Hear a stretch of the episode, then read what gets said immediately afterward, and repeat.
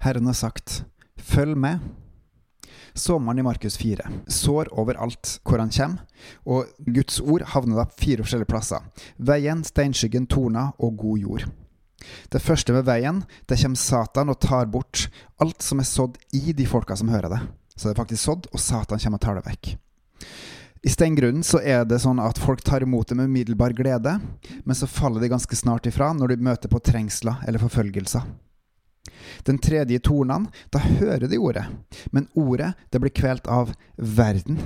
Legg merke til at ordet blir kvært av verden, at man lytter mer til det, at man eh, vil heller ha det av dens bekymringer, rikdom og lyster. Mens det fjerde, den havner i god jord. Og det er tre ting som skjer da. For det første, de hører. Det er det også andre som gjør. Men de tar imot det. Tar det imot fra Gud. Og for det tredje så bærer det frukt. Så hvis man hører og tar imot, så vil det bære frukt. Da må man stille seg framfor Gud og ta, både høre og ta imot det. Og deretter handle på det. La oss hoppe til 1. Johannes brev. Mine kjære, tro ikke enhver ånd. Prøv åndene, om de er av Gud, for det er gått mange falske profeter ut i verden. Og litt seinere. Men dere, mine barn, er av Gud og har seiret over dem. For Han som er i dere, er større enn Han som er i verden. De er av verden, derfor er deres tale av verden, og verden lytter til dem. Men vi er av Gud, og den som kjenner Gud, hører på oss. Den som ikke er av Gud, hører ikke på oss. Slik kan vi skjelne mellom sannhetens ånd og villfarelsens ånd. Litt tidligere i boka så står det La det som dere har hørt fra begynnelsen, forbli i dere.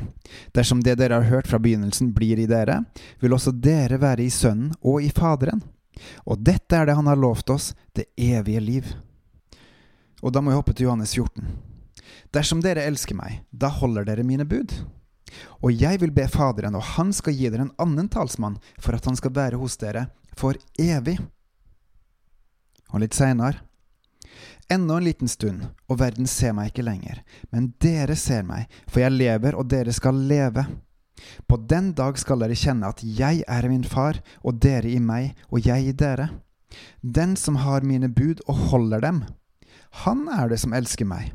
Og den som elsker meg, skal bli elsket av min far, og jeg skal elske ham og åpenbare meg for han. Hør, følg Gud. Da elsker du Jesus, og da skal Gud åpenbare deg åpenbare seg for deg og meg. I Gamletestamentet er det en bok som heter Jonas' bok, som handler om profeten Jonah. Eh, og Der er det tre ting jeg vil trekke fram. For det første Gud snakker med Jonah, og motsatt. Til og med sjøl om dette var før Jesus levde. Og det er fordi at han var en profet. Vi også kan snakke med Gud, fordi han er vår far. Nummer to Folket omvendte seg, alle sammen. Når han gikk inn i den byen, så, gikk, så det, tok det tre dagsreiser å gå gjennom han, og det levde minst 120 000 mennesker der. Og når han gikk en dagsreise innover, så gikk han rundt og forkynte den dommen som Gud hadde sagt over denne byen. Og folk, vanlige folk, omvendte seg og kledde seg i, i sekk og strie. Og de bare la seg på kne paddeflatt for Gud og skjønte at den måten de levde på, var ikke etter Guds vilje og de omvendte seg. Og etter hvert så nådde faktisk budskapet også fram til kongen, og han befalte at alle i hele byen skulle omvende seg, og til og med kongen sjøl kledde seg i sekk og strie. Fordi at de skjønte at de hadde trossa Gud.